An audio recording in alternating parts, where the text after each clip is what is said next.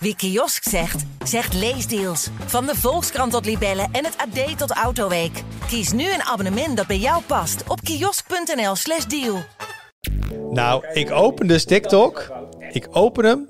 In de For You feed staat daar een blonde jonge dame in bikini te dansen. En dan denk ik, wat de hel TikTok weet precies wat ik wil. Hoe ze je pakken? Hoe ze je pakken?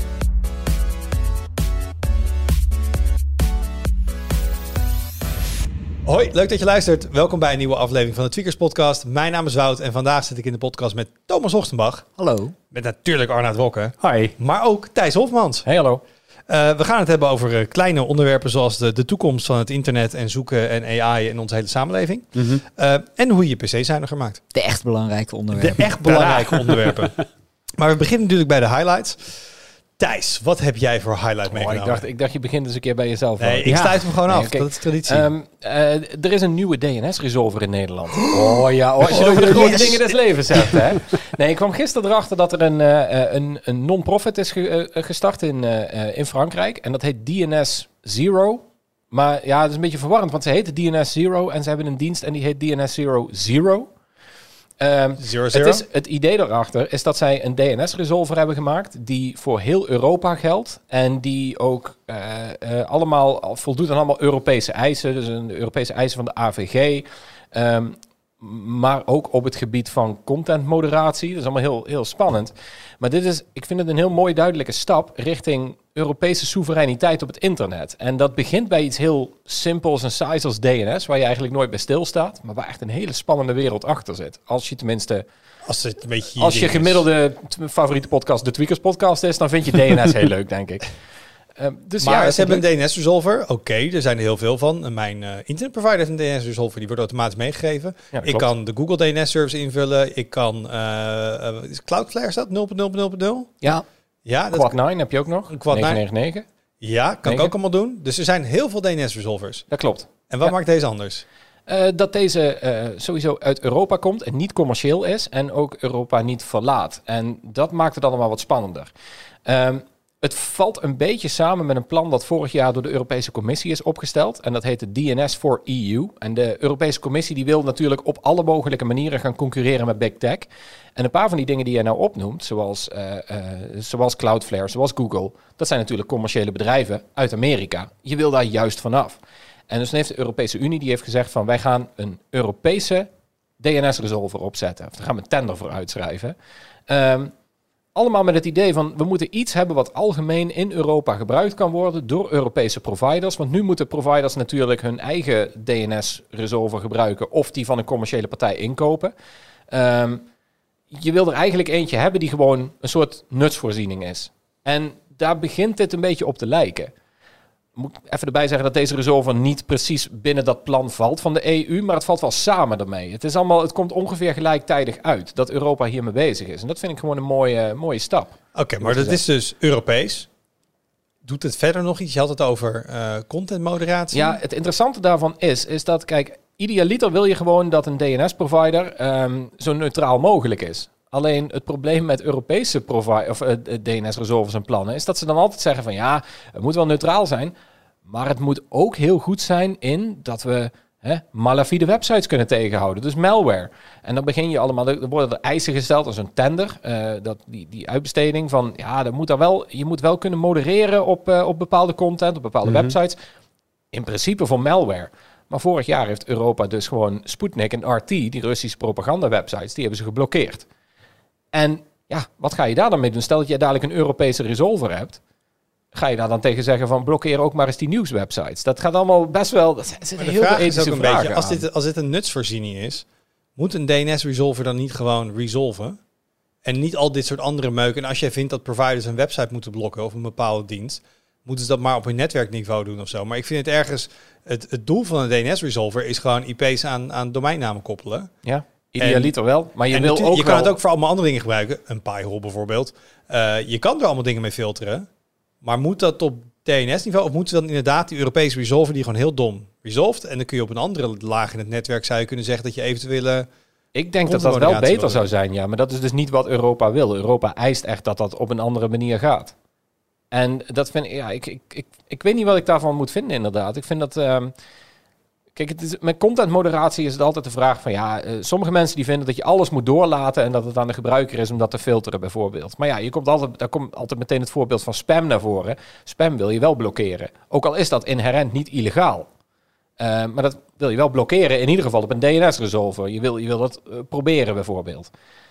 Dus ja, er zit altijd een beetje een grens aan. Het is Ja. altijd een lastige. Even een rondje rond de tafel. Thomas, Heb welke- jij je DNS-resolver? nou, eh, weet jij welke DNS je gebruikt? Ja, ik, ik heb, eh, ik heb twee verschillende DNS'en als, als eerste en, en eh, zeg maar als primaire en secundaire ingesteld in mijn, in mijn modem. Zodat, eh, zodat ik in ieder geval niet down ga als een van de twee DNS-servers. En wie, wie, wie zijn dat? Voor mij zijn dat Cloudflare en Google.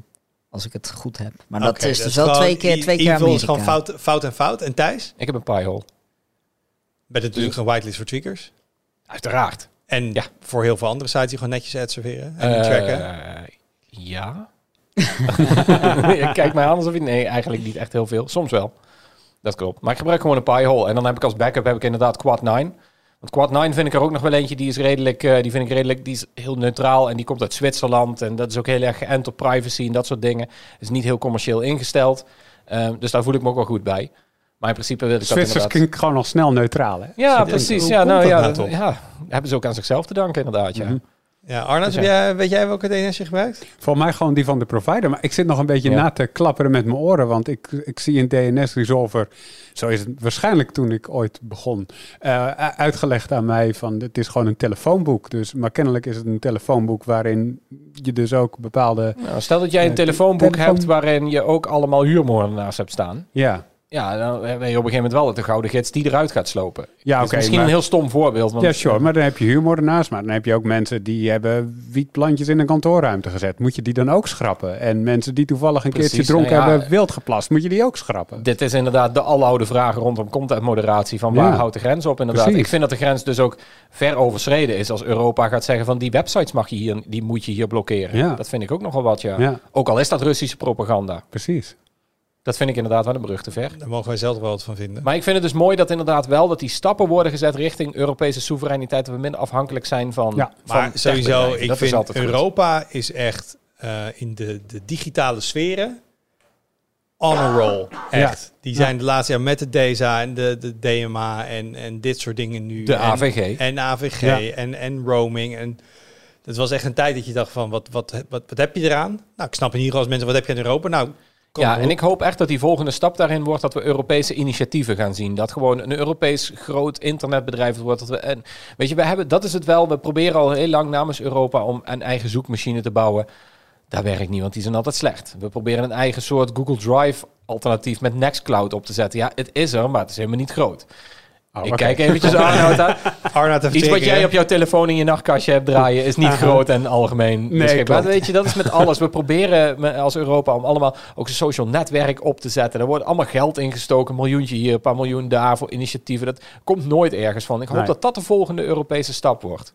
Dat we allemaal echt dat soort eigen, ja, dat, dat onze start-up eigen, cultuur een beetje onze komt. eigen big tech. ja, waar nee, we dan ja, later ons weer tegen kunnen afkeren. Een, een beetje. Laten we het op zijn minst proberen en niet zo half als dat we nu doen. Het eerst opbouwen en dan weer zeggen dat het evil is. Ja, precies. Maar dan is het wel ons Europese evil.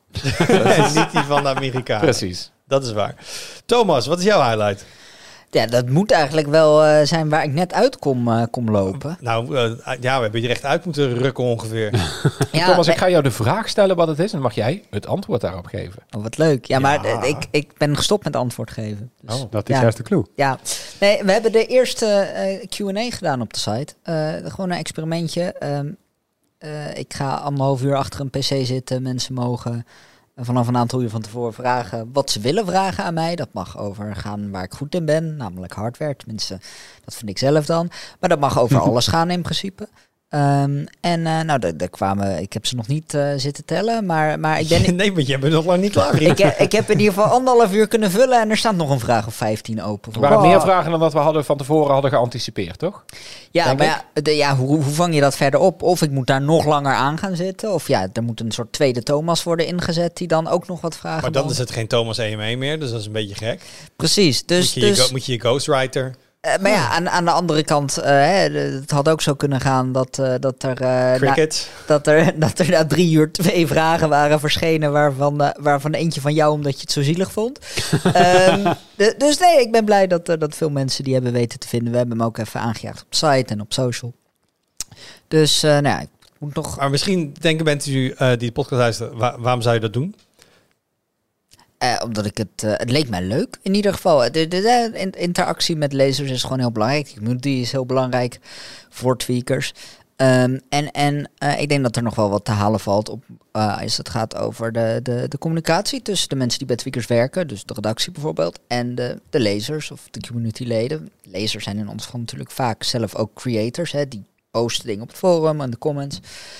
Ehm, en ik denk dat, eh, dat, dat het leuk is om, om wat meer de interactie op te zoeken. En, En- überhaupt denk ik te weten wie wie is. Want eh, als je nu dit luistert, luister je de podcast en doe je het langer, dan denk je, oh, maar dat is Arnoud zit er altijd in, en Mhm. Wout, en Jur, en dan schuift Thijs aan en Thomas. Dan heb je ook een idee bij door wie tweakers gemaakt wordt, in ieder Ja. geval op de contentkant. En als je de site gewoon leest, ja, er staat een fotootje ergens bij en er staat eh, een naampje bij. Maar Dat is kun een heel klein postzegel. daar kun je inderdaad ook redelijk makkelijk voorbij scrollen.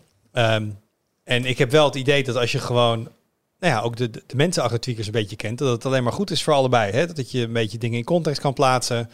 Ehm, goed voor de communicatie. Je kan iemand direct een vraag stellen. Dus ik vind het ook leuk dat we nu het, jouw hoofd er dan bij zitten. Oké, maar wil je echt alles weten over hardware? Nou, dan hebben we Thomas rondlopen. Welke Eh. vragen zijn nou het meest blijven hangen, Thomas? Van alle vragen die je nu hebt gehad. Ja, ik kreeg één vraag die iemand vroeg, en daar heb ik echt even over na moeten denken. Wat, welke review aan mijn neus voorbij was gegaan, die ik het liefst had willen doen? Oh, mooi! Goeie vraag. Ja. En- En, daar heb je over na kunnen denken. Daar heb ik even over, ja, ik heb eh, vijf minuutjes van mijn anderhalf uur besteed aan eh, stilzitten en nadenken over die vraag. Mhm. Ehm, nee, ik kwam uit op de, op de, op de eerste generatie Ryzen processors. Ik denk eh, de, de, dus de 1800X en zo van AMD. Ik denk dat, dat zo'n enorme ommezwaai in, in CPU-land, nou, dat, dat maak je eens in de 10, 15 jaar mee. Hè, AMD ging echt van een soort lachwekkende underdog naar, naar gewoon... Hoe, eh, la- hoe lang zat er tussen de Athlon 64 en eh Ryzen? Ik denk wel inderdaad double digit jaren. Ja, ja, dat is zeker een jaar of 15, denk ik. Ja, Mhm. dus, dus eh, ik denk, nee, ja, dat vind ik wel jammer. Want dat is, voor mij was dat de laatste review die, eh die Koen Krijns op Hardware Info heeft gedaan van, van die processors. En, en het jaar daarna bij, bij, bij Ryzen 2000, toen, eh, toen deed hij dat niet meer. Eh, dus eh, ik, eh, ja, die, die is net aan, aan mijn neus voorbij geglipt. Of, of misschien hooguit aan de neus van, van, van Reinoud of ik. Ja. Ehm, maar ehm, ja, nee, dus dat, dat is wel iets waarvan ik hoop dat ik ook in mijn eigen carrière nog een keer zo'n moment mee ga maken dat echt de tafel 180 graden wordt gedraaid. Dit is de eerste quantum CPU voor thuisgebruik. En dat jij hem dan...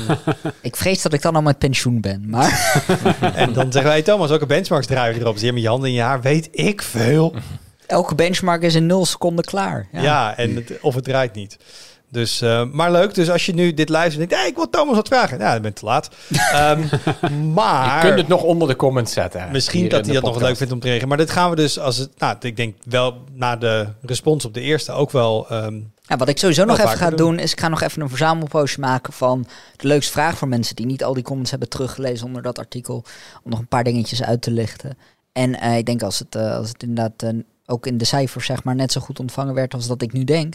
Dan eh, denk ik dat je dit, eh, dit vaker kunt moeten we verwachten. een volgend slachtoffer binnen de redactie gaan, eh, gaan vinden. Die zijn er meer dan genoeg volgens mij. Ik vind het hartstikke leuk. Jij ook, hè, Thijs? Ja, Ja, ook. tuurlijk. tuurlijk. Dat vindt iedereen wel leuk. Dus ehm, to be continued. Mhm.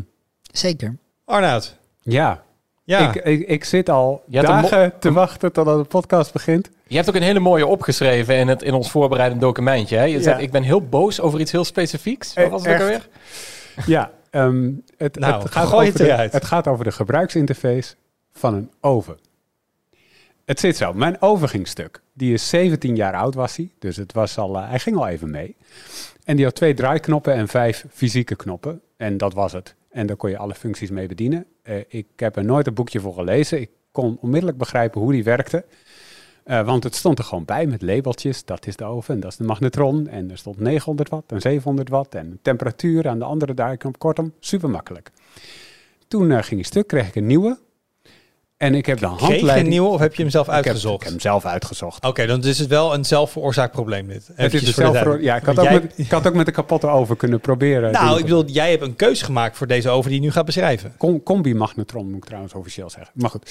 Je had Ehm, ook gewoon alles in de airfryer kunnen gooien, maar goed. dat is jouw oplossing. Zeker. Over voor millennials. Ja, ja. Maar je hebt een nieuwe oven uitgezocht. Ja. Kom je magnetron? En, ehm, en ik heb daar daadwerkelijk de handleiding voor moeten lezen. Gewoon al om te weten hoe je hem aanzet. En dat komt door de belabberde eh, eh, gebruikersinterface van dat ding. Het heeft toch geen touchscreen, hè? Het heeft niet eens een touchscreen. Het Oh. heeft wel eh, eh, aanraakgevoelige knoppen. Daar kom je niet onderuit. Ik heb er nog wel eentje uitgezocht met draaiknoppen. Ik dacht, nou ja, dan zijn er al veel draaiknoppen. Maar die blijken ja, alleen als een soort van rotating bezel. Zo'n draaiende de, de, Ja, er zit geen weerstand op. horloge. Er zit wel weerstand op, maar heel licht. En eh, de exacte positie maakt niet uit. Het is alleen relatief. Dus je scrolt door opties heen die op het scherm staan. In plaats van dat een bepaalde positie een bepaalde functie is. En daarnaast moet ik nu om bijvoorbeeld de oven aan te zetten om voor te verwarmen. Wat een heel logisch ding is met een oven. Minstens zes handelingen doen waar dat er twee waren. Dus de gebruikersinterface is in mijn ogen totaal achteruit gegaan. En het is niet uniek aan het model wat ik heb uitgezocht. Want ik heb nog degene uitgezocht waarvan volgens de gebruikersreviews die ik kon vinden... een van de meest gebruiksvriendelijke was. Er zijn dus nog ergere. Waaronder ovens, zo heb ik gezien in filmpjes, waarvan het label dat erbij staat op de behuizing niet overeenkomt met het label op het scherm, bijvoorbeeld. Eh, er zijn eh, ovens zoals, of een magnetron zoals bij ons hier in de kantoorruimte staan, waarbij je op wat knoppen drukt om te kijken of dan iets aanvliegt, omdat er gewoon onduidelijk is hoe die werkt. Ben ik al vaak tegen aangelopen. Ik heb En- ook vaak koude spaghetti hier moeten eten, omdat ik Ja. er niet uitkwam. Ja, Nee. dat is zo. Ram, ram, ram. En dan Ja, kijken of werkt het niet en dan, nou, dan eet ik het maar zonder... eh, geen, geen idee wat ik aan het doen ben. Eh, dus ik wilde even weten of jullie dezelfde ervaring hadden. Want ik vond dit dus verschrikkelijk. En ik, ik kon ook Ik wil- niet een model vinden waar dat wel goed was. Kun je sowieso eventjes beginnen met nemen en shamen welk merk dit is? Ehm, wat ik nu heb is volgens mij een Etna. En waar ik de meeste klachten over las, en dat vond ik heel opvallend, was Ikea. Want normaal Hm. is dat het merk wat echt eenvoud zeg maar, tot een soort kunst heeft verheven. En meubels zitten op de meest eenvoudige manier die mogelijk is in elkaar, over het algemeen. En kennelijk zijn hun ovens en combinaties super hun, ingewikkeld. hun draadvrij is inderdaad ook heel makkelijk juist te gebruiken. Het is echt Ja. bewust dat iedere idioot die kan zo'n lampje Maar ik heb nog daarom. nooit van Etna. Is dat een, Nee, ik ook niet. Is, is dat een grote in de combi-magnetron wereld? Is dat niet een. Nederlands bedrijf? Want ik heb eh, mijn oven ook van Etna en ik meen dat het van oorsprong Oké. Nederlands is. 50% marktaandeel aan deze tafel alleen al. Oké, Ja. dat is waar. Maar ik denk meteen van, ja, maar dan had je gewoon voor een gerenommeerd merk moeten gaan. Eh, een Siemens of een, weet ik veel, een Whirlpool. Of Daar een... zag ik dezelfde Porsche. klachten over. Oké. Maar, Ja, nou, ik heb echt heel veel reviews maar je vroeg of ik het herkende. Ik heb vorig jaar mijn oven vervangen. Dus het is gewoon wel een inbouwoven, het is geen combi-magnetron. Hm. Eh, mijn oven heeft twee draaiknoppen. Punt. Wauw. Heerlijk. Wel een Really? display. Mhm. Dus mijn linker draaiknop. En het zijn van die knoppen die je eh, induwt. Als je hem niet gebruikt, dan zijn ze gewoon eh, verzonken in de ding. En als je hem dan wil gebruiken, dan klik je er één keer, duw je erop, dan komt hij eruit zetten. En dan kun je draaien. En links heb je gewoon icoontjes van alle standen. Nou, die spreken allemaal heel erg voor zich. Dan zet je hem op ovenstand of grillstand. En de rechter is gewoon naar links is plus, of naar min, naar rechts is plus. Eh, dus als je dan gewoon de temperatuur wil aanpassen, dan zie je in het midden van het display, zie je dus gewoon de temperatuur. Ja. Ehm c'est ça. Helemaal top. Moderne oven. Hoe stel je dan de tijd in? Dat doe ik echt nooit op de oven. Daar heb ik een virtuele assistent voor in mijn huis. Maar jij bent er zo eentje die dan een half jaar lang bij iedere keer dat het winter- en zomertijd is, een half jaar lang gewoon je tijd verkeerd laat staan op die Oh, op die manier. Nee, maar er zitten wel nog een paar knopjes om de klok te doen, maar die gebruik ik dus nooit. Maar om de tijd van de bereiding, dat doe ik altijd gewoon. Ah. Hey G, en dan zeg ik eh set a timer voor eh 30 minutes. En dan, dus ik heb zo'n Nest Hub in mijn keuken staan. Mhm. Eh, dus ik ga niet op dat ding dan de tijd. Dat is, dat is zo omslachtig. Dat kan gemakkelijk. Als je, meer. als je, maar als je dan dingen. Zo simpel is hij, maar Dat is dat, is letterlijk wel de functie van een oven. Ja, maar als je zegt waar, is- waar is voice control en dat zingen sneller in, timer zetten. Ja, true. Ja. Dat, dat is gewoon. Dus eh, ik ben heel blij mee. Ik, moet, ik weet even niet in mijn hoofd welk merk over het is. Ehm, maar dat. ehm, ik heb er wel naar gekeken toen ik hem ook uitzocht. Ik wil wel iets gewoon wat in bediening redelijk makkelijk is. Ik wilde het liefst ook iets wat ik dan weer smart kon aansluiten. Maar dat werd allemaal heel duur. Dus dat heb ik toen niet gedaan. Mhm. Ehm, want eigenlijk wat jouw uh, combi dus nodig heeft, is gewoon een voice assistant. Dat hoor ik al. Want als het zes stappen zijn om me voor te verwarmen en je kan ook gewoon zeggen preheat, Dan ben je er. Het zou kunnen. Maar Arnoud, eh, kun jij een beetje speculeren over... is dit een proces geweest waarbij er tien managementlagen... allemaal een beetje hebben gekeken naar die oven... en iedereen zei, ja, maar ik wil ook die functie en ik wil ook die by functie. committee. Een soort bloatware op die... of Ja. debt, ik weet niet hoe je het moet noemen, op de oven, nee, zoiets. bloatware. ja, bloatware. Het is echt ja. bloatware, want zeg maar, dan denk je een combi-magnetron die heeft een paar functies. Hè? Een magnetronoven en, en, en een combinatie van die twee en grillen. En nou ja, dan heb je het wel zo'n beetje gehad. Nee, je moet ook dingen kunnen ontdooien, ontdooien en bakken en volgens een bepaald gewicht. En dat is dan weer voor nou ja, bepaalde eh, eh, eh, voedingsdingen is dat weer beter. Allemaal modussen, zeg maar. Het is zeg maar, als je het vergelijkt met een telefoon, dan heb je een camera en dan kan je gewoon een foto maken.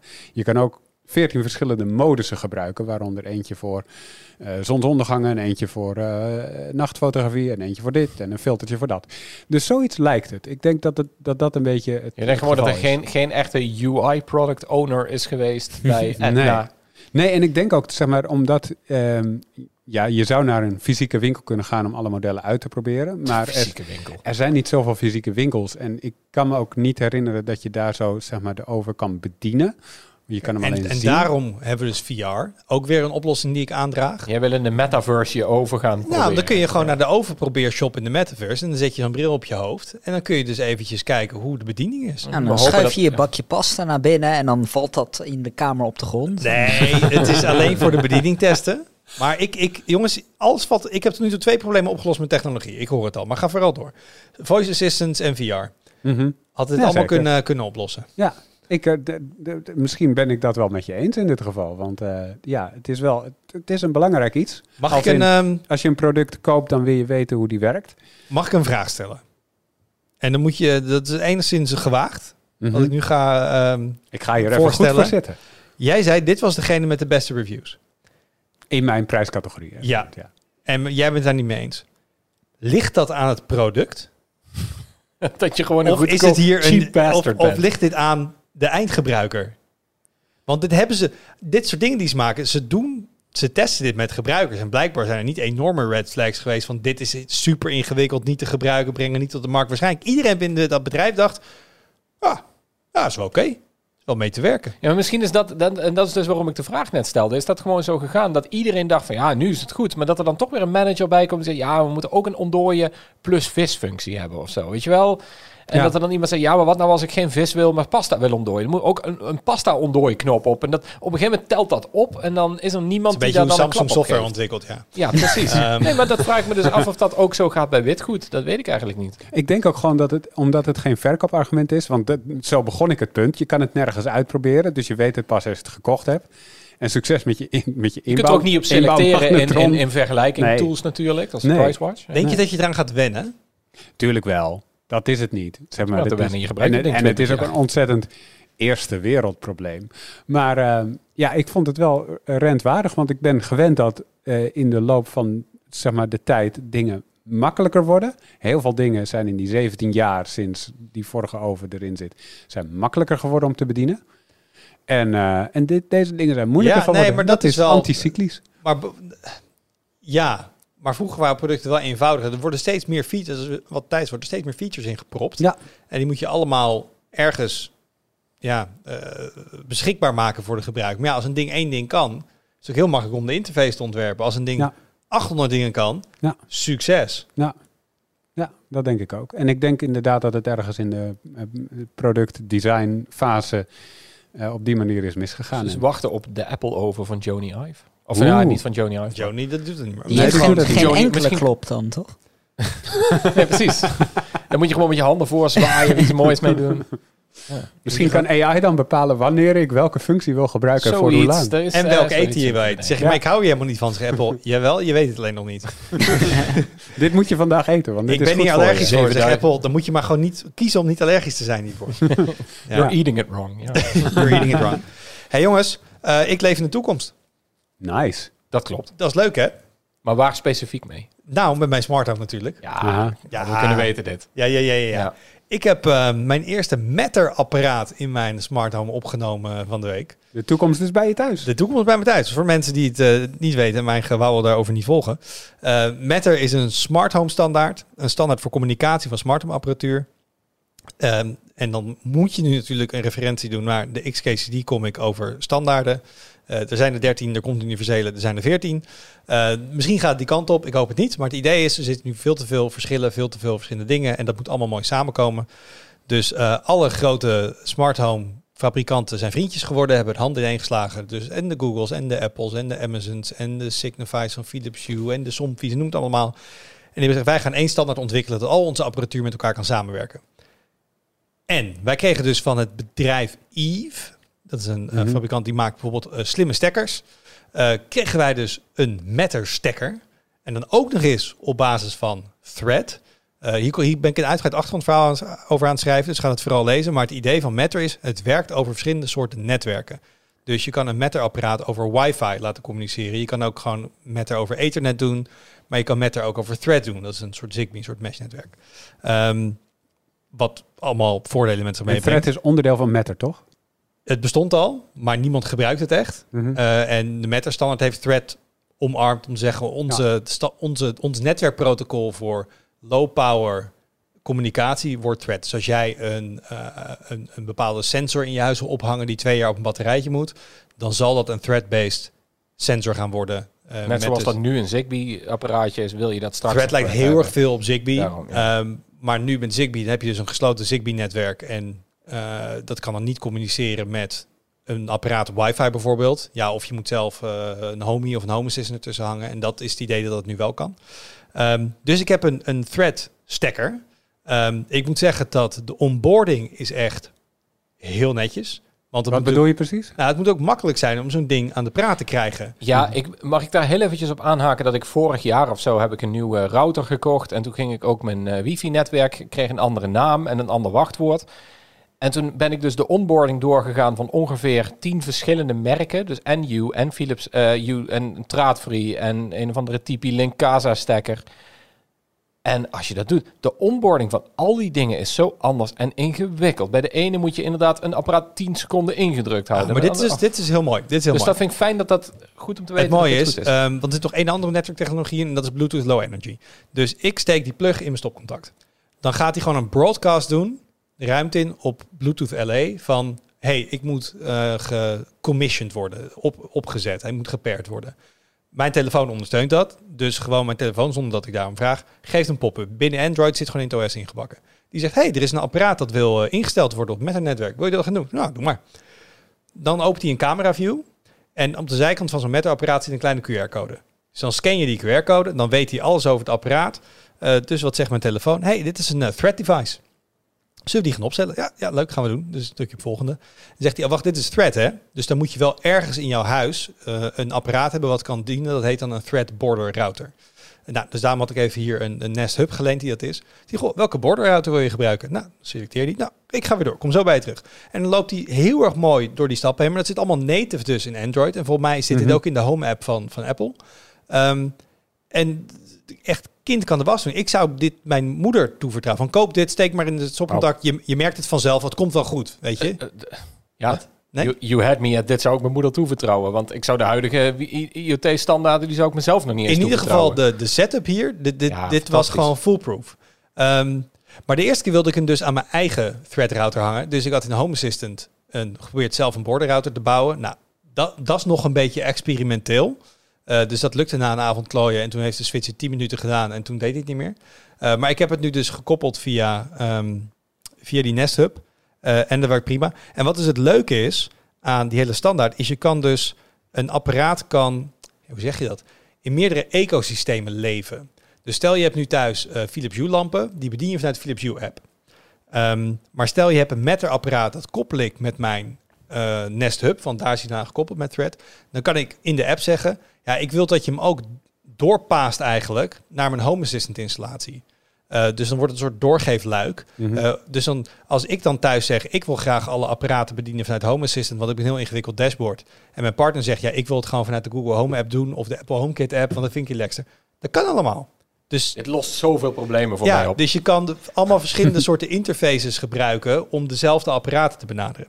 Dus ik ben eh, best enthousiast, behalve één ding. Ehm, de standaard, zoals hij nu is, versie 1, is behoorlijk kaal. Er zitten acht verschillende device types in. Dus combi-magnetron bestaat niet. Niet. Dus, en dat is juist witgoed wil ik ook slim hebben. Ehm, en er ontbreken soms gewoon hele gekke dingen ook aan standaard dingen. Bijvoorbeeld een tussenstekker kan in Matter geen energie meten. Dus denkt, hey, ik doe een tussenstekker ergens tussen. Dan kan ik kijken hoeveel stroom die verbruikt. Dat zit niet in de spec. Niet bekend wanneer het er wel in komt. Je gebruikt echt een slimme stekker voor twee dingen. Schakelen en Ja. energie meten. Hij kan schakelen. Ehm, dus, wat, Heel is knap. gewoon een stekker. dus wat heeft die fabrikant Yves nu gedaan? Die heeft gezegd, ja, dus als je met onze app gebruikt, dan kan die het wel. Ja, ja, ja. ja. Dus je, hebt, terug bij dus, dus je hebt een standaard. Oké. En op zich, de basisfunctionaliteit zit erin. Eh, maar als je dus op een iPhone, want Yves heeft alleen maar een iPhone-app, for some reason. Ja, het is een Apple-only merk volgens mij zelfs. Ja, er komt Dus- een Android-app en die hebben ze aangekondigd, maar die hebben ze dus nog niet. Dus het, het was echt HomeKit en Apple. Het begint echt En een nu- leven in de toekomst en nu beschrijf je iets uit 2016 of En zo. nu pakken ze Matter erbij en gaan ze dus breder. Ehm, maar dan doen ze waarschijnlijk zelf wat proprietary extra communicatie bovenop het Matter-protocol om die energiemeter uit te lezen.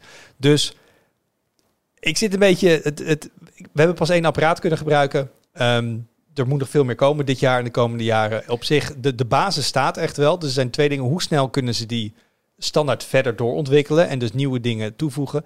Er zitten honderden bedrijven in die alliantie hierachter. Dus iedereen moet het met elkaar eens worden voordat ze wijzigingen kunnen doorvoeren. Dus Mhm. dat, dat, daar ligt wel het risico van heel veel politiek op de loer. Ehm, en gaan die fabrikanten dus allemaal dingen erbovenop bouwen, waardoor ze nog steeds zeggen, ja, maar als je het echt goed wil gebruiken, ja. dan moet het met ons in. Dus En dat is ook een verkoopargument. Ik bedoel, het is gewoon een omgekeerde combi-magnetron op dit punt. Er zitten gewoon veel te weinig functies in. ja, ik ben ook gewoon bang dat als je straks met er lampjes koopt, dat je dan denkt van, oh leuk, ik heb slimme lampjes. Dim ze automatisch naar zonsondergang. En dat met er dan blijkt dat niet te hebben of zo, omdat je alleen maar kan in- en uitschakelen. Ja, maar dat zit dus, eh, dat soort slimme dingen zit vaak dan in het apparaat waar je hem op aansluit. Dus de, echt, de, de, dat soort slimmigheid zit niet echt in lampen. Ehm, dit is trouwens wel zeggen de- dat in de stekker geen energiemeting zit. is het enige wat ik nu toe ben tegengekomen wat er gek is. Voor de rest zitten basisfuncties er echt allemaal wel in. En het is grotendeels ook gebaseerd op de Zigbee-spec. Dus ik snap niet waarom ze dit niet overgenomen hebben. Ehm, Als en- ik, als ik jou dan zo hoor van je klinkt enthousiast en, en eh, je beschrijft wat kinderziektes, maar waarvan je denkt van dit gaat over een paar jaar, is dat misschien wel opgelost. Ben je hier zo enthousiast over als dat het wordt gepresenteerd dat het de nieuwe toekomst van IoT moet zijn? Of ja, I- Zie je dat gebeuren? mi- misschien wel. Kijk, ik denk dat technisch wat er staat... Oké, even dus het ontbreken van één of twee dingetjes daar gelaten. De basis is echt, hebben ze ook twee jaar hard aan gewerkt. Het is leuk, ze hebben een open source implementatie op GitHub staan. Dus je kan ook gewoon zien hoeveel hier aan geklust wordt door die mensen. Ik bedoel, het is er bergen werk verzet om even zo'n hele nieuwe standaard neer te zetten. Waarbij onboarding en zo allemaal zo goed loopt. Ehm, en, en wa- wat hier goed aan is, is gewoon voor... Ten eerste is het allemaal lokaal, gaat niks via de cloud, alles lokaal. Dat betekent dus, als jij nu een Matter device koopt, dat werkt over 10 jaar, over 15 jaar, over 20 jaar nog. Mhm. Want er komt geen clouddienst bij kijken. Ehm, en als ik nu bijvoorbeeld naar Home Assistant kijk, wat ik draai, ik moet voor zoveel verschillende dingen een losse integratie hebben. Maar die integratie moet iemand onderhouden worden. En dan moet weer een software, iemand moet daar weer updates voor doen. Dus alles wat out of the box werkt. Ik heb nu voor mijn zonnewering een losse integratie. Ik heb voor mijn lampen een losse integratie. Ik heb voor me, nou ja, ik heb 20 integraties in Home Assistant. Ja. Hoe tof is het als je er uiteindelijk voor eigenlijk al je basisdingen zit het al ingebakken. Hoeft niemand software voor te onderhouden. Zit gewoon in de spec. Werkt over 20 jaar nog steeds. En voor een paar exotische dingen moet je dan eventjes wat koppelen. Dus dat is de, de, de beoogde toekomst. Dat kan met deze standaard. Het probleem zit in de menselijke factor en de, de, de, de nou, noem het maar even, de bedrijfstechnische factor. Mhm. Gaan die bedrijven echt voor de greater good hier en proberen het groot te maken? Of dan toch links en rechts weer hun eigen dingetjes? En eh, dat, dat, weet ik niet. Nou, hoe zal het gaan met standaarden, Wout? daar heb ik mijn twijfels over. Ja, maar z- ja, ja, ja, uiteindelijk, hoe je het ook kan zien, hoe meer mensen of hoe beter dit eh, ondersteund wordt en hoe makkelijker dit is, hoe meer mensen het aandurven van dingen met smart. Je maakt de compleet, nu hebben ze allemaal een piece of the pie, maar je maakt de pie gewoon groter. Ja. De markt maak je veel groter, waardoor het potentieel groter is. Dus ik hoop dat ze er zo naar kijken en dus gewoon netjes snel die spec doorontwikkelen, netjes zich eraan houden, niet allemaal gekke dingen erbovenop gaan bouwen. En wat je nu wel krijgt natuurlijk, wie heeft de beste app? Maar dan gewoon voor handig scènes aanmaken, handig automations aanmaken. Daar kun je nu, want je kan ze via allerlei apps aansturen. En dan ga je daarop concurreren van mensen. Ja. Ja, maar ik vind de Philips Hue app heel fijn. Eh, daar wil ik alles in doen. En Apple-gebruiker zegt, ja, maar ik wil alles in de Apple Home app doen. Maar Dus- dat geeft dus, want het feit dat je dat kan, dat geeft natuurlijk een gigantische prikkel voor die fabrikanten om bijvoorbeeld voor een, voor een Philips of welk bedrijf daar ook maar precies achter zit tegenwoordig, ehm, om eh, dingen, specifieke dingen van You alleen in een eigen app te bouwen die dan niet in Matter zitten. Eh, zodat je hun app toch wel gaat gebruiken ook om andere dingen aan te sturen, omdat je die bepaalde functies wil. Maar dan is een, ja, maar dat vind ik op zich niet per se een slecht iets als het geen basisfunctionaliteit is. Als, als Philips in de U-app iets inbouwt, dat jij vanuit hun app een koppeling met Spotify doet. Ehm, zodra Spotify begint te spelen, dat je U-app kijkt welke muziek het is en al je lampen automatisch gaat meeknipperen op de beat. Dat is gewoon een softwareoplossing die Ja. zij op bovenop gebouwd hebben. Dat je kan nog steeds vanuit iets anders kunnen lampen aansturen, dimmen, al die andere. Vind ik prima als je daarop gaat concurreren. Kan ik ook nabouwen in Ja, een dan homie komt, bijvoorbeeld. Dan komt wel natuurlijk de vraag wanneer een, een functie een basisfunctie is en wanneer niet. Want daar verschillen we wel van. ja, stroommeten Maar- bij een tussenstekker vind ik een Ja, basisfunctie. maar ook, ook wat, het, het ding wat, wat eh, jij of net noemde, van eh, je lampen laten eh, aangaan bij zonsondergang. Ja, is dat een basisfunctionaliteit of is dat gewoon nice to have? Daar vind ik al een grensgeval. Nou, Ja. dat, dat is wel. eh, Dat zit bijna. Geen, geen enkele lamp weet zelf wanneer de zonsondergang is op dit moment. Of een apparaat op een smart home netwerk. Dus er zit altijd logica achter van een. eh, een Ja, oké, maar you kan dat dan beter dan... Kan Home Assistant ook. Ja. Dus dat, dat is nog inderdaad eh, to be seen. Ja. Ehm, maar mijn eerste apparaatje draait. En dat vond ik leuk. Daar heb ik mee gepield. En het doet op zich redelijk wat het belooft. En ik heb op CES echt bizar veel apparaten gezien. Bedrijven die claimen dat ze hier iets mee gaan doen. Ja. Dus dit moet dit jaar wel gaan, gaan Ja, losbarsten. Heel Dus, benieuwd eh, wat er allemaal komt. Laten we hopen dat ze het niet eh, alsnog verpesten. Ja. Oké, Ehm, Thijs. Jij was net, dame, we nemen dit wat later op dan normaal, want jij was bij Google langs. Ja. Want Google had ons uitgenodigd, zei wij gaan iets doen met search en AI. Ja, En dan moet je langskomen, want dan gaan we daar eh, toffe dingen over melden. En dit is dus op de woensdag. Maandag had Google Bart aangekondigd. Hun- Ja, dit is, dit, is heel, dit is inderdaad een beetje raar gegaan. Eh, want inderdaad, kijk, sinds eind november vorig jaar hebben wij natuurlijk ChatGPT. En dat heeft de kaarten van de techbedrijven flink door elkaar geschud. Dus alles ligt weer ineens op tafel en er zijn heel veel meer mogelijkheden. Eh, in, sindsdien is eigenlijk altijd de grote vraag geweest, what will Google do? Ja. Nou, niet wat moet, maar wat wil. Want de gedachte is dat de vraag, ja. iets, iets, een interface als ChatGPT en de intelligentie erachter, dat dat Google bedreigt, toch? een, een beetje, ja, dat is inderdaad wel de een grote beetje- vraag. Of, of ja. een beetje boel. Je zegt Ja. een beetje. Eh, Ja. Google Ja. is nog steeds primair een zoekmachine die zegt: stel ons een vraag en wij zorgen dat we de informatie op het internet je naar het goede antwoord sturen. Maar je moet dat goede antwoord wel zelf vinden. En dat is een beetje het verschil. Als ik, ik haal graag het voorbeeld aan van toen ik een huis ging kopen. Toen ging ik opzoeken van eh, waar moet je op letten als je een notaris uitzoekt. Ehm, ja, dan kom ik op sites uit. Dat zijn sommige SEO-blogs. En dan moet ik zelf maar gaan bekijken van ja, wat staat hier voor informatie op? Vertrouw ik die lui? En, en wat ChatGPT eigenlijk doet, is zegt van luister, ik ga dat allemaal filteren. Voor, hier heb je de informatie. En daarvan kun je, dat hebben we sindsdien heel veel kanttekeningen bij geplaatst. Die informatie misschien niet goed is, maar dat is een manier, een nieuwe manier om te gaan zoeken. En een manier die veel gebruiksvriendelijker is ook. Want je hoeft niet meer trucjes te leren voor, om, om een zoekmachine te bedienen. Je hoeft niet meer te zeggen van, nou, maar als ik nu file type PNG erbij doe, of eh, file type PDF, dan vind ik alleen PDF's. Dus misschien wel beter. Of weet je wel, je hoeft die trucjes niet meer te... Je stelt gewoon een vraag, zoals ik die ook aan, aan jullie zou vragen. En dan komt daar een antwoord op. Is dit niet Dus- ook het, gewoon het, bijna het eindstation van online zoeken? Want, Ja, dat zou het best wel eens kunnen worden, ja. want uit, toen Google ooit geïntroduceerd werd, had je twee, of nog steeds, nog steeds twee knoppen zoeken en I feel lucky. En I feel lucky stuurt hij je meteen door naar de eerste hit volgens mij. Ik doe Met- een gok. Ja, Is dat ik in doe een gok. Met, maar ik vind I feel lucky, want hoor ik Clint Eastwood in een cowboyfilm. Do you feel lucky, punk? Ehm, gokje, punk?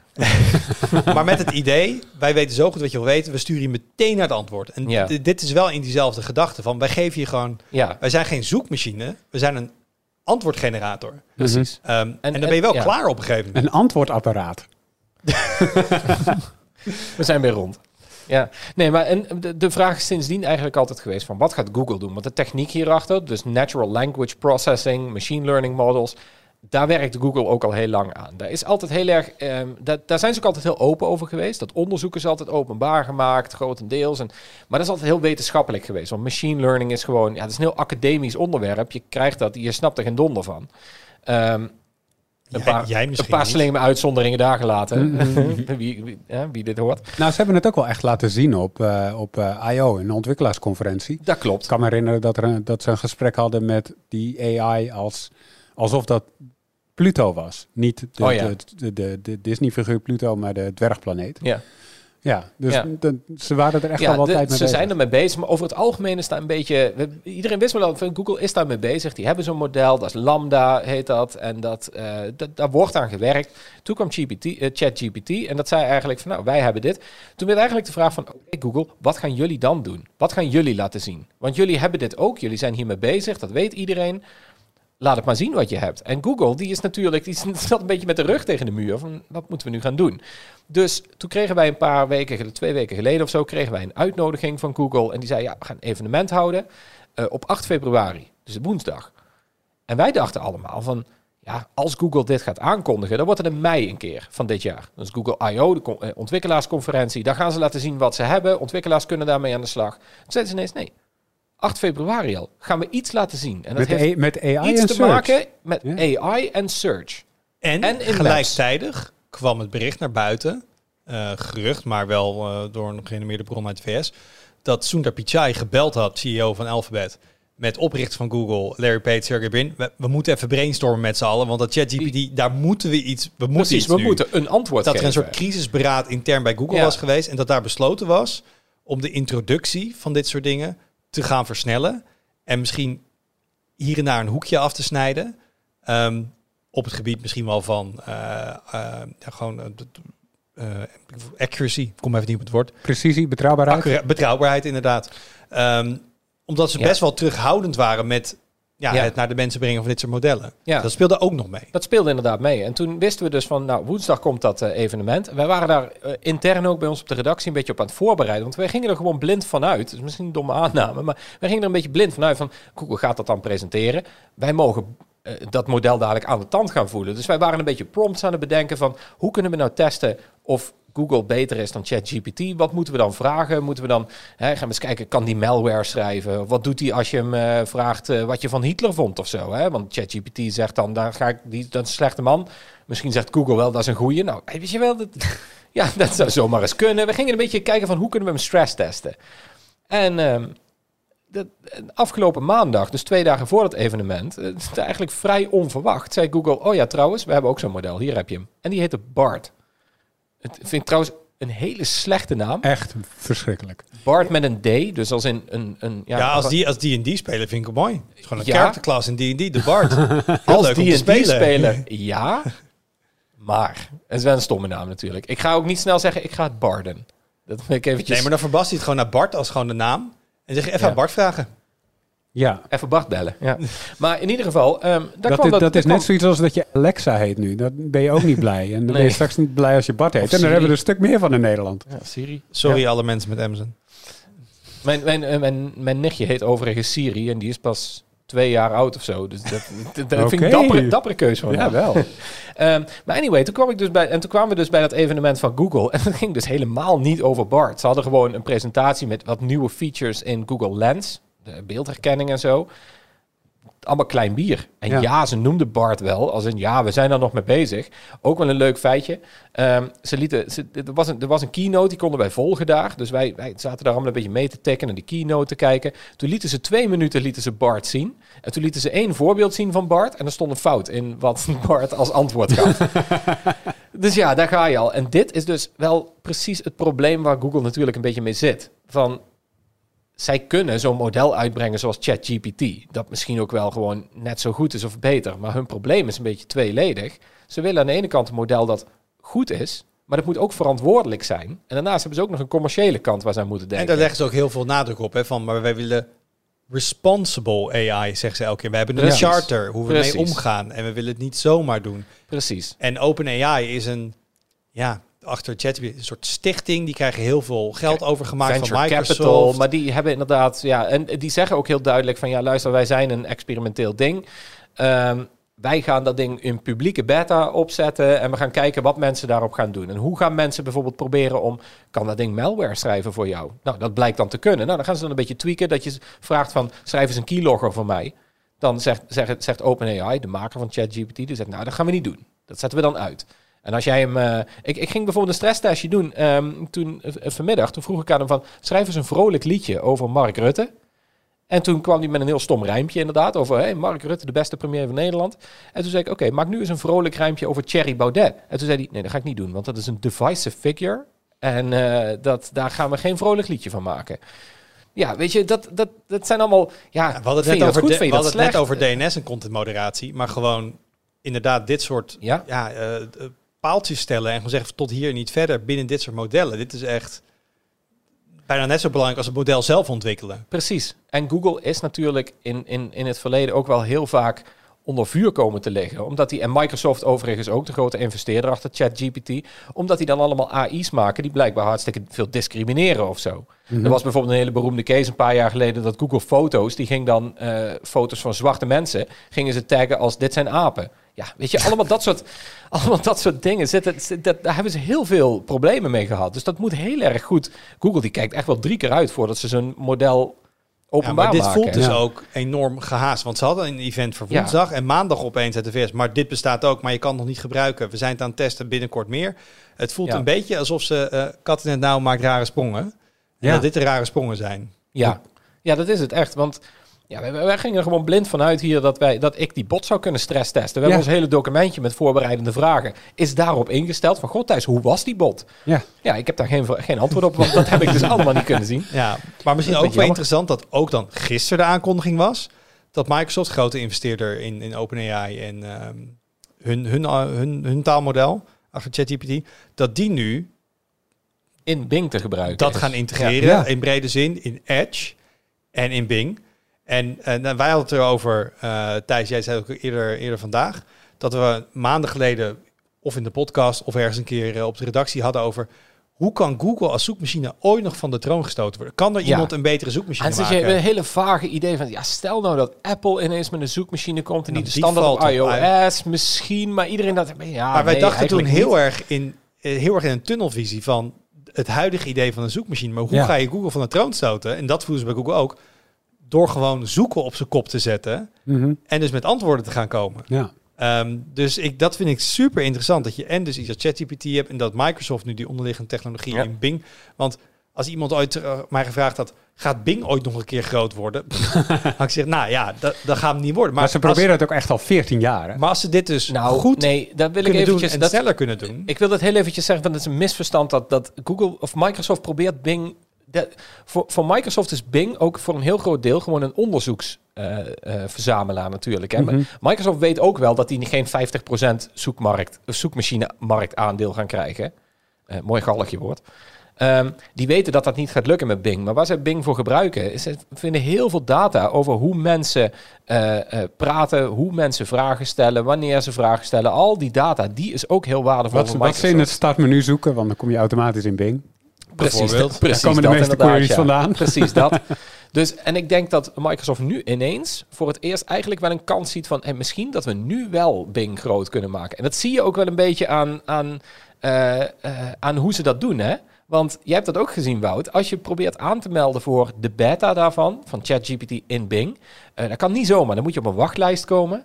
En als je, dan sta je op die wachtlijst en dan zeggen ze, ja, je kunt jouw plaatsje op die wachtlijst, dan kun je sneller kun je aan de beurt komen. Moet je eventjes de Microsoft app installeren en de Bing app op je telefoon. Hier is een QR-code. Heel En- sneaky. En je moet in Windows even alle telemetry weer aanzetten. Dus als je in Windows ja, normaal hebt gekozen ook, voor ik ja. wil niks delen met. Microsoft qua Ja. privacy, moet je even de default options weer neerzetten. Dan vind je weer extra lief. ja, dan kom je Ja. sneller aan de beurt. Dat was een beetje vies hoor. Dat Nee, vind nou, een eh, beetje vies. Ja, vind ik heel Be- vies. Beetje Dat- slim, maar wel vies. Ja, ik moet, je- moet je trouwens wel een klein dingetje, want je zegt de hele tijd ChatGPT. Ehm, maar dat is niet wat hierachter zit. Het is eh, een volgende versie van GPT. Dat klopt. Ja, je hebt gelijk. GPT 3 plus slash 4 of whatever het, het Wat gaat het- worden. wat het ook Je hebt gelijk, je hebt gelijk. Ze Ja, hebben er geen klopt. nummer aan gegeven, maar het is de volgende versie van GPT. Maar eh, even, even tussendoor jongens. In algemene zin, ik word hier echt super hyped van. In de zin van, Ja, zeker. het, we weten niet waar het heen gaat. Eh, het kan ook voor foute dingen gebruikt worden. Het is gevaarlijk. We moeten ermee oppassen. Maar Ik- ik, ik- denk ja. dat wij over 20 jaar terugkijken op 2023. Oh ja, shit, dat is het jaar dat generative AI ja. echt opeens gebruikt werd. Op, op het gebied van tekst, op het gebied van beeld, stilstaand, maar ook bewegen. De video's genereren wordt nu ook wel aangewerkt. Op Ja. het gebied van audio, wat, er nu, wat ze nu kunnen doen. we hebben hoeveel uur audio hebben wij van de podcast? Ik kan gewoon al Arnaud's audio streams kan ik gewoon in zo'n model gooien. En we kunnen hem alles laten zeggen. Is ergens heel scary. Damn. Eh, it- ik denk dat het echt zo'n zo'n make or break moment is 2023. Hier gaan we echt op terugkijken. Dit ook, was ja. wanneer de, de, Denk de ook. hekken open gingen. Eh, dus ook een beetje spannend. Ja, Maar dus dat ook- verklaart ook wel waarom Microsoft hier zo enorm veel in investeert. Want ze zijn natuurlijk hartstikke bang dat dit net zo fout gaat als de introductie van de smartphone van Microsoft. En Want dit als is, ze nu nog eens de boot gaan missen, dan, dan kan het zomaar afgelopen. En En, dat dit is is waarom- de boot voor ze. Hè? Ja. Da- Ja. Nadella, de, de CEO van Microsoft, Precies. heeft het hier al... Ja, Acht, die negen jaar in over. 2014 had hij inderdaad al een boek waarin dit gewoon eh, uitkwam inderdaad. Dat, dat voorspelde hij al van dit, gaat, dit is waar Microsoft heen gaat. Ja. en en dat dat is waarom al. Google nu in crisismodus zit. Want jarenlang dachten ze, "Pff, jullie kunnen mij niks Ja. maken. Wij zijn Google. Ja, en- en, nu opeens holy, we zijn kwetsbaar. En wat het leuke, of het leuke hiervan, niet voor Google, maar wat het interessante hiervan is, is dat Microsoft, die kan het zich permitteren om wat fouten te gaan maken met Bing en een beetje rustig op te starten. Google, die heeft niet alleen het probleem dat ze inderdaad moeten zorgen van die um, informatie moet accuraat zijn, er moet een goed product zijn, er moet een verantwoordelijk product zijn. Het moet ook een commercieel succes worden. Want Google is het rijkste bedrijf ter wereld, of een van de rijkste bedrijven ter wereld. Je kunt dit niet doen zonder een steengoed verdienmodel erop te zetten. eh, waarvan je weet dat dat eh, goed gaat werken. Dat is heel moeilijk. Dat hebben zij er wel bij. Daar heeft Microsoft een stuk minder. Maar er zit nou- ook gewoon ads in hoor. Ja, Bij Microsoft klopt. vanaf het begin eh, Dat, is dat er klopt. En, advertenties. en, en Bing is inderdaad ook wel. Dat staat ergens op de balans van Microsoft. Maar dat is niet. Precies. Dat is een, een klein percentage. Dus je kunt je veroorloven om daar mee te spelen, mee te experimenteren. Google kan dit niet. Het moet in één keer goed. ja. Nou, Eh, die of in één keer natuurlijk- die goed, natuurlijk ook wel een flinke kas aan geld. Hè. Dus ik denk dat kan, tuurlijk. dat Maar kan ook wel. Maar het is meer van, Microsoft is de uitdager hier. ja, En het is makkelijker om, als je een beetje in de schaduw staat en mensen wat minder op je letten, wat je zegt, kun je die fouten maken. Google is, zit al decennia boven op de apenrots, met alle spotlights op zich gericht. En Ja. in zo'n omgeving is innoveren gewoon veel lastiger. Ja, maar niet, niet alleen innoveren, maar ook gewoon, je, je, je kunt niet zomaar innoveren als dat aan jouw verdienmodel gaat tornen. Aan jouw primaire verdienmodel. En Ja. dat doet dit uiteindelijk wel. Dat Nee, is wel dat wat. ChatGPT Je hebt doet. veel meer te verliezen. Het is, het is haast als het moment waarop AMD met Ryzen uitkwam. En Intel ineens weer zijn best moest gaan doen. Ja. Ja, Precies. en ik snap wel dat je hype bent, want dat zijn de reviews die je wil doen, zeg maar. Ja, nou ja, gewoon de, de, de, de, de impact van deze ontwikkeling kunnen we ons op dit moment denk ik Nee. nog niet ik, inbeelden. Ik, ik ben inderdaad van de week eh, eh, door best veel media gebeld. eh, met de vraag van, hey, jullie zijn experts bij tweakers. Kunnen jullie eens uitleggen wat nou dit betekent voor, voor Google en voor Microsoft en zo? Geen flauw idee.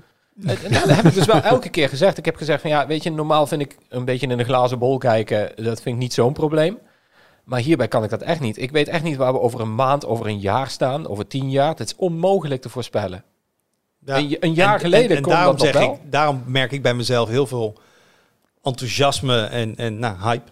Ja. Ehm, Ja. Omdat zulke grote verschuivingen, je noemt het al, heb je, in het Engels heb je zo mooi, hou de research ook van. Het is een paradigm shift, Mhm. Ja. Paradigmaverandering. een paradigmaverandering. Ja, die, die heb je niet heel vaak. Nee, Ja. dat klopt. Ehm, dus Dat dit, klopt. ehm, ja, er gaat gewoon, er gaat shit gebeuren. ja Weet alleen nog niet zo goed wat. Nee, inderdaad. Ja, dit, dit, het, is een, het is een spannende periode. Waar ik ben bang voor ben, is omdat ze nu zo hard gaan concurreren. Hè. Google kondigt het aan letterlijk een dag voordat Microsoft komt.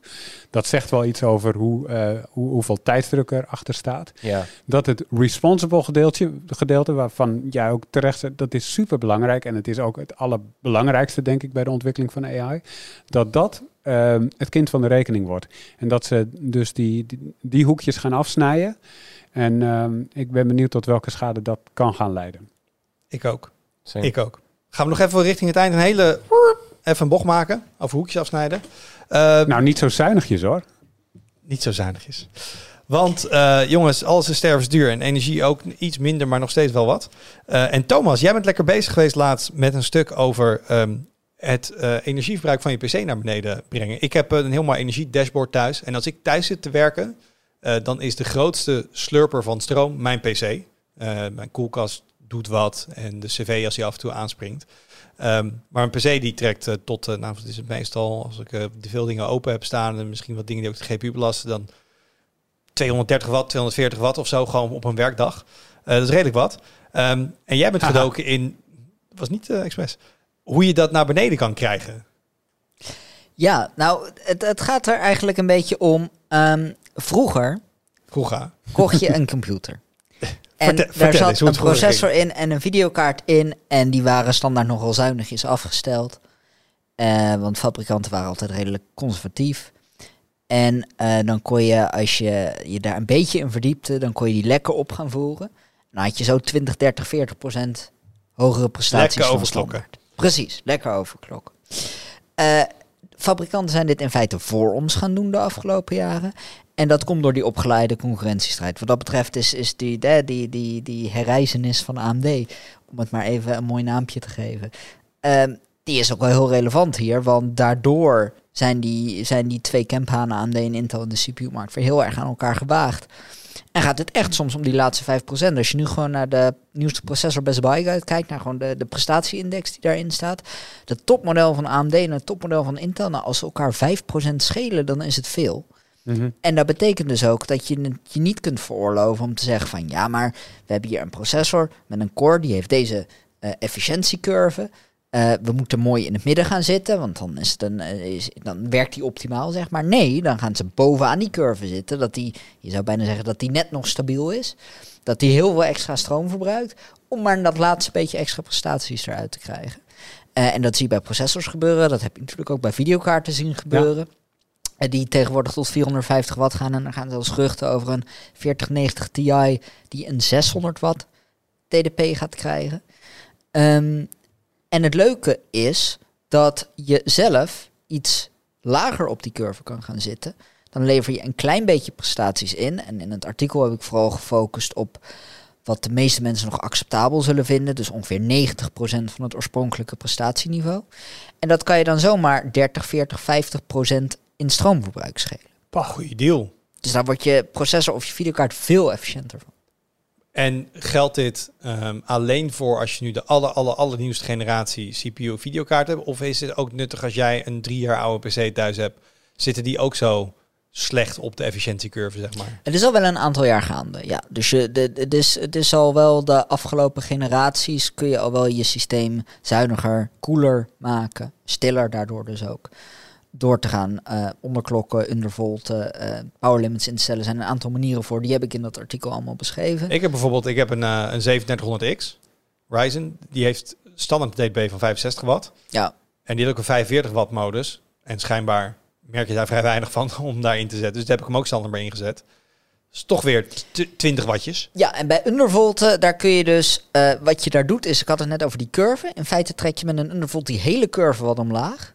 Waardoor die, zolang dat stabiel is, eh, kun je voor dezelfde kloksnelheid bereiken, kun je een lagere spanning instellen. Nou, wat die verbruikt, het vermogen, is een keersom van je spanning en de stroomsterkte die er doorheen gaat. Dat betekent dus dat als je de spanning verlaagt, hè, dat is een van de componenten in, in, die, in die keersom, dan daalt dus je verbruik. En als jij een vermogenslimiet van 45 of 65 watt instelt, kun je dus, nou, dan krijg je daar dus wat ruimte in door te undervolten en kan je processor effectief hoger klokken en wordt hij dus van een undervolt sneller.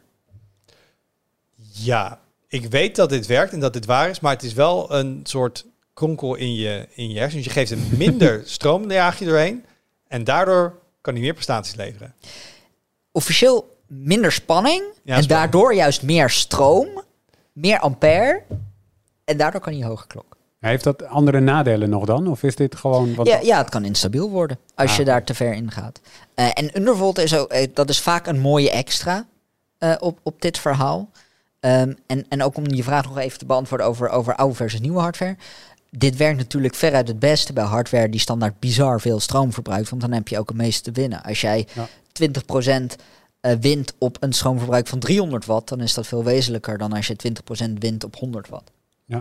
Ja, en dus eigenlijk, en dit geldt dus eh, zowel voor je processor als je videokaart, de twee grootste slurpers eh, in je PC. Dit, daar kun je het meeste winnen. Ja, en dit artikel wat ik nu recent heb geschreven, dat gaat over processors. En collega Reinoud heeft al vorig jaar een keer een, een, een vergelijkbaar artikel geschreven over hoe je dat bij videokaarten aanpakt. Maar als je dus een moderne CPU hebt en een eh 3000 of 4000 serie kaart van Nvidia bijvoorbeeld, dan kan je echt gewoon onder full load, hebben we het over gewoon meer dan 100 watt wat je eigenlijk gewoon kan besparen.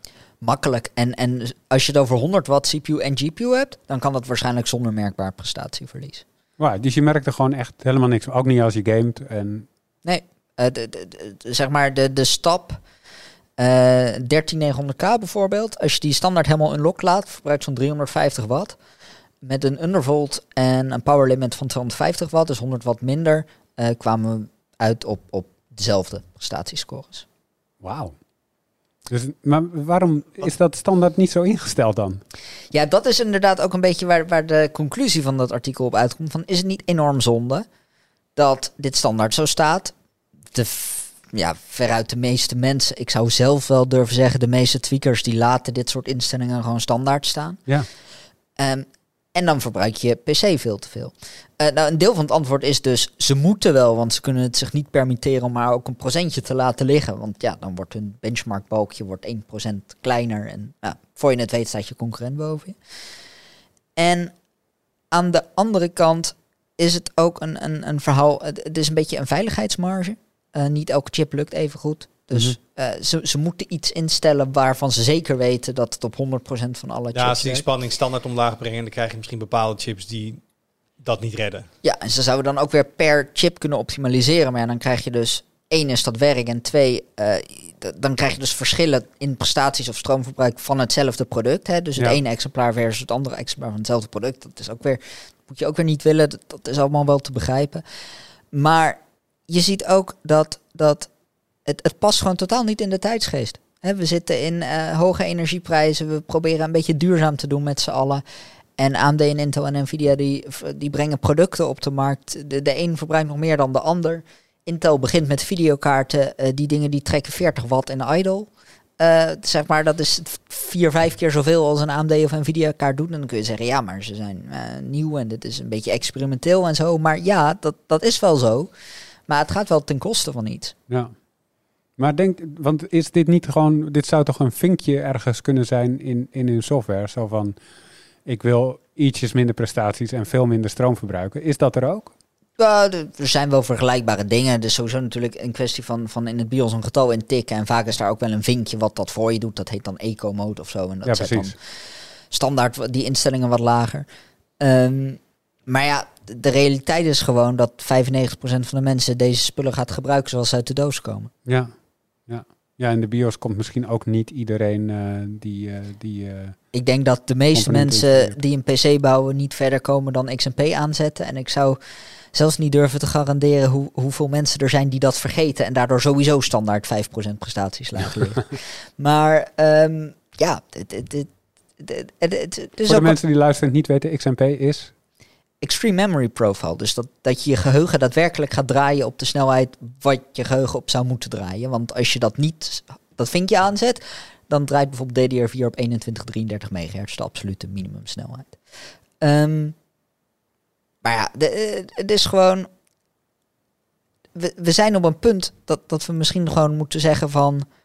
Is die laatste 5% extra prestaties, is die ons nog wel weer, weer 100 watt extra waard? Ja, de enige manier hoe je dat eh, kan laten horen is door het niet te kopen. En ik, ik weet niet, hebt jij er meer inzicht in dan ik. Ik heb niet het idee alsof die markt heel erg aan het instorten is of zo. Nou, Buiten het feit dat de PC-bouw op dit moment überhaupt redelijk aan het instorten is. Maar, maar buiten inderdaad die algemene trend. Ik heb niet het idee dat PC-bouwers zich hiervan afkeren op dit moment. Zeggen, ah, dit is allemaal belachelijk. Dit gaan we niet doen. We gaan een vuist maken tegen deze bedrijven. je ziet het aan twee kanten. De ene kant, eh, de, de extreme waterkoelers zijn nog nooit zo populair geweest. Dus mensen blijven dit kopen en kopen dus ook eh, de koeling die ervoor nodig is. Dikke voedingen, dat soort dingen. Eh, die, zijn, die zijn ook een tijd niet aan te slepen geweest. Echt 1000 watt en meer. Ehm, maar ja, aan de andere kant zie je ook wel dat mensen een aankoop uitstellen. Je ziet dat fabrikanten daar ook wel een beetje op inspelen. AMD heeft 65 watt versies eh, van een paar processors op de markt gebracht die dus standaard op een veel lager vermogen werken. En in veel programma's amper langzamer zijn dan de normale versies. Ehm, en dan zie je ook wel dat, dat, dat daar wat interesse in is, dat fabrikanten daarop inspelen. Maar het is, nog, het is wel nog voorzichtig. Eh, zeg maar de, de belangrijke line-up, de, de topmodellen, de, de, de, de, hè, bij Intel de modellen eindigend op K en bij AMD de modellen eindigend op X. Dat zijn gewoon nog altijd de processors die 90% van de mensen kopen. En eh, ja, d- d- die worden nog standaard afgesteld om er een maximale uit te persen. Nou, stop is, als jullie luisteren, Aan. Daar komt het op neer. Stop gewoon eens even. Nergens voor nodig. Zeggen we ook zelfs als tweakers, ook mensen die van performance houden. Ja, maar dat is ook de vraag. Worden wij net zo enthousiast als Nvidia over anderhalf jaar weer met een nieuwe generatie komt, de RTX 5080. En ze zeggen hij is niet sneller dan de vorige, maar wel 30% zuiniger. Maar de vraag is, moet het dan meteen dat zijn? Of ze zeggen, hij is niet 40, 50% sneller, maar 20% sneller. Maar hij is wel een heel stuk zuiniger. Ik zou er heel enthousiast over worden. Ik zou er ook blij van Afhankelijk worden. van de prijs. En bovendien kunnen we dan weer overclock guides gaan schrijven over hoe je wel die extra I 20% know. eruit gaat halen.